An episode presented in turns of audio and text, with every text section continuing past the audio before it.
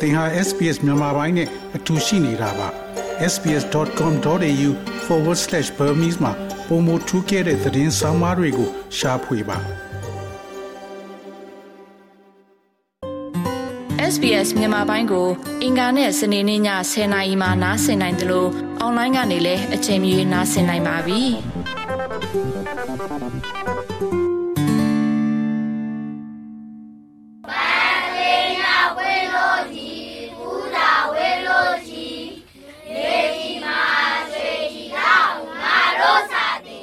ငယ်တွေရဲ့ကြပြရွတ်တန်ဟာ အိမ်လို့တော့မဆိုနိုင်တဲ့ ဝါကြံခင်တဏိမိုးထားတဲ့ တဲအိမ်လေးစီကနေ နေ့စဉ်လိုလို ထွက်ပေါ်လာလေးရှိပါတယ်။ထိုင်းမြန်မာနယ်စပ်က ရွှေပြောင်းမြန်မာမိသားစုဝင် ကလေးငယ်တွေရဲ့ ပညာရေးကွက်လက်ကို ပြောင်းခင်းနေဝန်းရံထားတဲ့ ဒီတဲအိမ်ငယ်တွေကပဲ ဖြည့်ဆည်းပေးနေတာပါ။နေ့အချိန်မှာ ဝမ်းစာရှာပြီး ညနေခင်းအချိန်မှာ ပညာရှာတဲ့ ကလေးငယ်တွေအတွက် ဒီအိမ်ငယ်လေးဟာမိခိုရာနေရာလေးအဖြစ်လဲအတိတ်ပဲဖွင့်ဆိုနိုင်ပါတယ် ကလေးငယ်တွေကတော့ ဒီအိမ်လေးကို ငါတို့စာတင်ဆောင်လို့ ကိုယ်တိုင်နာမည်ပေးထားကြပါတယ်။ဒီပညာရေးစနစ်ကို စတင်ပုံဖော်ခဲ့သူကတော့အသက်30ကျော်အရွယ်ကရင်အမျိုးသမီး North Friday ပါ။ကလေးငယ်တွေကိုပညာသင်ကြားပေးဖို့အတွေးဝင်ရောက်ခဲ့တာကလည်းကြောင်းတက်ခွင့်မရတဲ့မောင်နှမနှစ်ဦးရဲ့အကြောင်းကနေအစတီလာခဲ့တာဖြစ်ပါတယ်။ ကျောင်းဝတ်စုံနဲ့စာသင်ကျောင်းကိုသွားနေတဲ့ကျောင်းသားတွေကို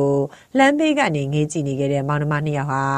ဆီယမနော်ဖရိုက်ဒီရဲ့မြင်ကွင်းနဲ့တိုက်တိုက်ဆိုင်ဆိုင်ရောက်လာခဲ့ပါတယ်။ဒါကြောင့်ပဲပညာသင်ခွင့်မရတဲ့ရွှေပြောင်းမြန်မာကလေးငယ်တွေကိုစာသင်ပေးမယ်ဆိုတဲ့ဆုံးဖြတ်ချက်နဲ့အတူသူဆုံခဲ့တဲ့မောင်နှမနှစ်ယောက်ကိုစာစတင်သင်ကြားပေးခဲ့တဲ့စာသင်ဝိုင်းလေးဟာအခုတစ်နှစ်မပြည့်သေးချိန်မှာကလေးငယ်90ကျော်ရှိနေပြီဖြစ်ပါတယ်။အဲ့တော့သူတို့စာတက်စေခြင်းနဲ့ရည်ရွယ်ချက်ကအဓိကမဟုတ် နော်သူတို့တွေရတဲလေးတွေလည်းတဲလို့တော့မှခေါ်ဖြစ်အောင်လေးပဲရှိတာဒါပေမဲ့ကျွန်တော်သူတို့တွေနဲ့အတူတူအိတ်တယ်အတူတူစားတယ်ကလေးတွေကလည်းနောက်စာကြည့်ပဲတင်တာမဟုတ်တဲ့အတွက်ကြောင့်မလို့သူတို့နဲ့အတူတူကစားပေးတယ်ကျွန်တော်တို့ငယ်ဘွားတော့ငါကစားခဲ့တဲ့ကစားနည်းလေးတွေသင်ပေးတယ်သူတို့နဲ့အတူတူကိုယ်လည်းလှုပ်ရှားပေးတယ်သူတို့ရတဲ့အခွင့်အရေးဆိုတာကိုတော့ရှင်းပြတယ်တက်သားတဲ့နေတဲ့ခါကျတော့ကလေးတွေကလည်းကြောင်းတက်နေရတာကိုချုပ်တီးထားရတဲ့အဲ့လိုမျိုးမခံစားဘဲနဲ့ပျော့တယ် သူတို့မိဘတွေကလည်းပဲဟိုဘေးနားမှာအလောက်ကပြန်လာရင်ရင်ဝင်ပိုက်ကလေးလေးတွေပိုက်လာပြီးတော့တော့စာတင်နေတာကိုရက်ပြီးနားထောင်ဒီကလေးတွေကိုတော့ရှင်းပြနေသမျှတော့မျှဝေနေသမျှမိဘတွေကလည်းရတယ်ကျောင်းလို့မခေါ်ဆိုနိုင်တဲ့အဆောက်အဦကျောင်းဝစ်စုံကျောင်းလွယ်အိမ်ကျောင်းသားတယောက်မှရှိရမယ်အစဉ်တစားတွေမရှိပေမဲ့ဒီတဲအိမ်လေးဟာကလေးတွေရဲ့ပညာသင်ကြားခွင့်မျှော်လင့်ချက်တွေကိုပုံဖော်နိုင်မှုယာယီဖြည့်ဆည်းရာနေရာဖြစ်နေပါတယ် အစိုးရအကြောင်းတွေမှာဆိုမနက်9နာရီကနေနေ့ကင်း12နာရီဒါမှမဟုတ်မနက်9နာရီကနေညနေ3နာရီကပုံမှန်ကြောင်းတက်ချိန်လို့သတ်မှတ်ထားကြတာပါဒါပေမဲ့ဒီကလေးငယ်တွေရဲ့စာသင်ချိန်ကတော့ညနေ4နာရီကနေ6နာရီအထိပါဒီအချိန်ဟာလေတအူရီသောစေရနာဝန်ထမ်းဆရာမရဲ့အလုတ်အားချိန်လို့လဲဆိုနိုင်ပါတယ်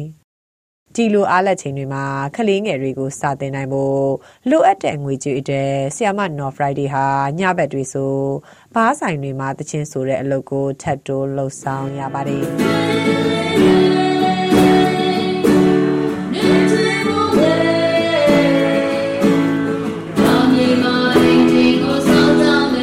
စားတောက်ဆိုင်ကရတဲ့အမှုပညာခြေတွေဟာလက်ရှိကျောင်းရဲ့လိုအပ်ချက်ကိုဖြည့်ဆည်းပေးနေတာပါ ဒီအကြောင်းကိုအားထားနေရတဲ့ရွှေပြောင်းမြန်မာမိသားစုတွေမှာလည်းလုပ်ငန်းခွင်အတီးတကျမရှိမှုလောက်ခလာစားမလုံလောက်တာနဲ့လုံခြုံရေးအခက်အခဲတွေကြားခလေးငယ်တွေကိုကြောင်းထားနိုင်ဖို့ကမလွယ်ကူတဲ့အခြေအနေဖြစ်နေပါတယ်ပညာရေးနဲ့အဆက်မပြတ်ဖို့ဒီလိုပရဟိတစာသင်ဆောင်လေးကမိဘတွေအတွက်တော့မျှော်လင့်ချက်တစ်ခုလို့ဆိုနိုင်ပါတယ်။ကလေးမိခင်တူဖြစ်သူဒေါ်ဆန်းဆန်းကကိုသားသမီးနဲ့ရှင်ကြီးသူများသားသမီးကိုကြည့်လိုက်တော့ဟိုတလောဆို လာကြတယ်ခွေကရုတ်ကဆိုလားသူတို့တွေက10တန်းနေတဲ့အဲ့ဒါတွေမြင်တော့ကိုသားသမီးတွေပို့ပြီးတော့ဟိုအားငယ်ရတယ်ဘာဖြစ်လို့လဲဆိုတော့အခုလိုမျိုးခေကလာအချင်းနေမကောင်းတော့ကျမတို့ဒီနေရာမျိုးမှာလာနေရတာဒုက္ခရောက်တယ်ကိုသားသမီးကိုဖြစ်ချင်တယ်မဖြစ်အောင်အဲ့ဒါတွေတွေးမိတိုင်းစိတ်မကောင်းလည်းဖြစ်တယ်ဆရာမလေးတွေလာတင်နေဆိုလဲလေကုညီနိုင်သလောက်အမြဲတမ်းကုညီပေးတယ်အဲ့လိုအဖွဲ့အစည်းတွေလာတယ်ဆိုလဲကိုကထမင်းတွေပါလေအမြဲတမ်းချက်ကျွေးတယ် အခုလိုဒုက္ခရောက်နေတာကြီးကိုလည်းမြင်မြန်ကြုတ်ပါစေဆူတောင်းတယ်ဘာဖြစ်လို့လဲဆို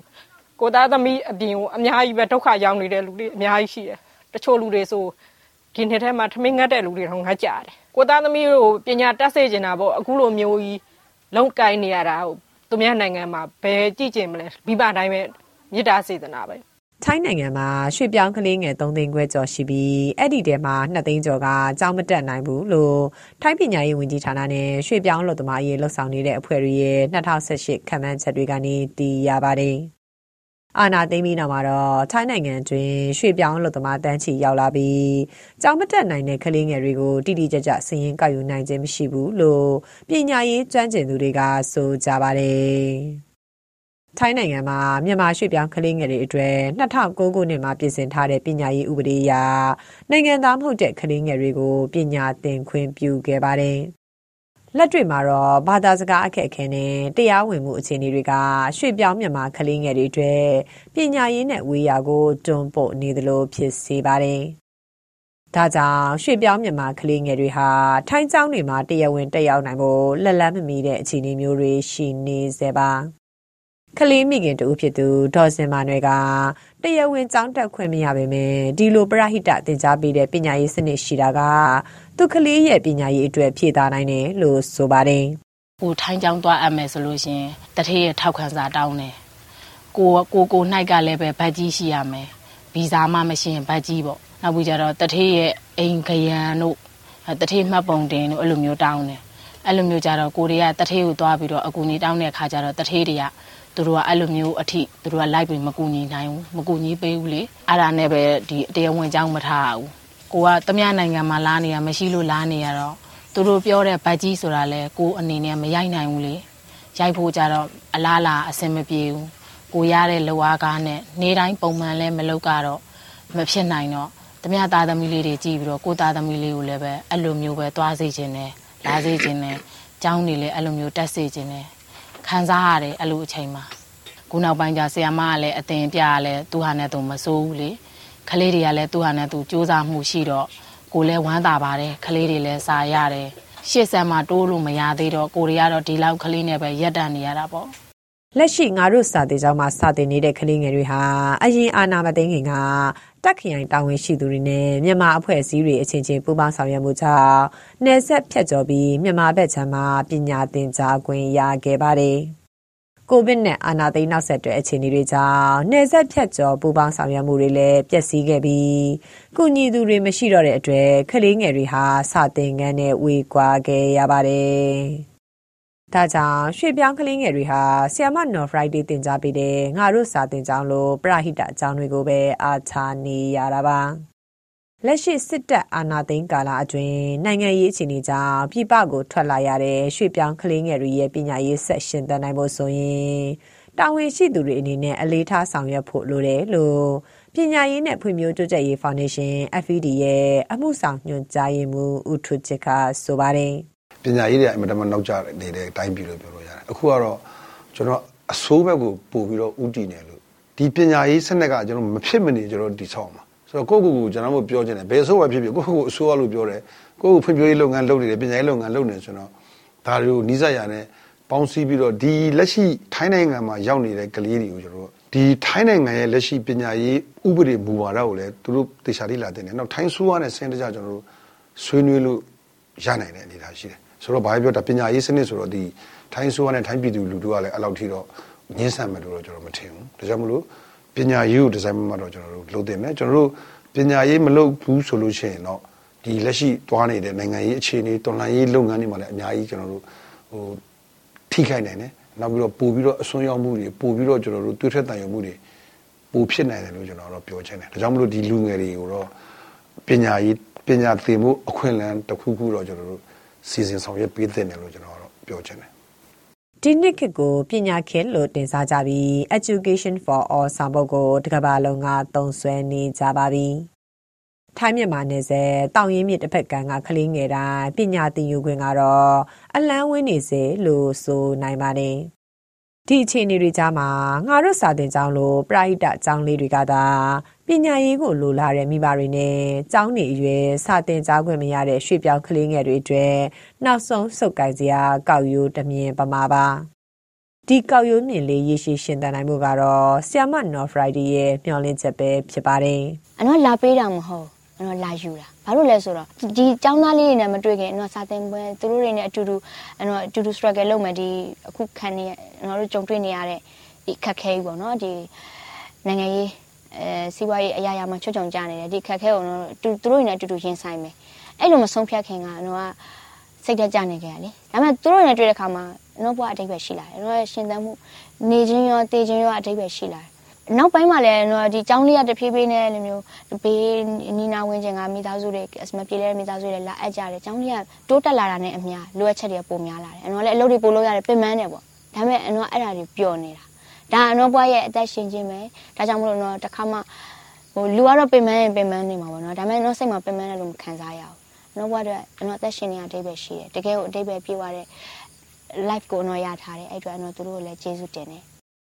ပညာရေးကိုခက်နဲ့အညီရင်မောင်တန်းနိုင်ဖို့နိုင်ငံတကာမှာတော့အစိုးရနဲ့ပြည်သူကစနစ်တကျပုံဖော်နေကြပါတယ်။နိုင်ငံရေးအခြေအနေတွေကြောင့်ပြည်ပနိုင်ငံတွေရောက်လာရတဲ့တန်းနဲ့ချီတဲ့မြန်မာကလေးငယ်တွေအတွက်တော့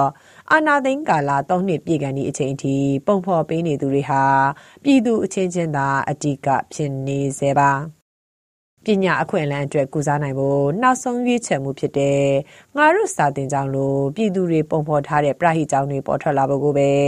ကလေးငယ်တွေရောမိဘတွေကပါမျှော်လင့်နေကြတာဖြစ်ပါတယ်။ဒီသတင်းဆောင်မကိုတန်လင်ခက်ကပေးပို့ထားတာဖြစ်ပါတယ်။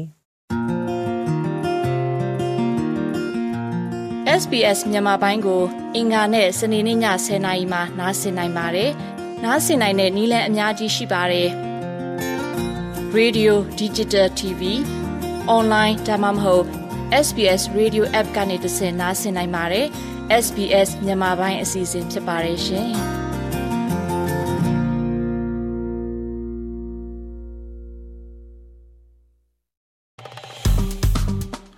SBS မြန်မာပိုင်းကို Facebook ပေါ်မှာ like ရှာပြီး like မျှဝေမှတ်ချက်ပေးပါ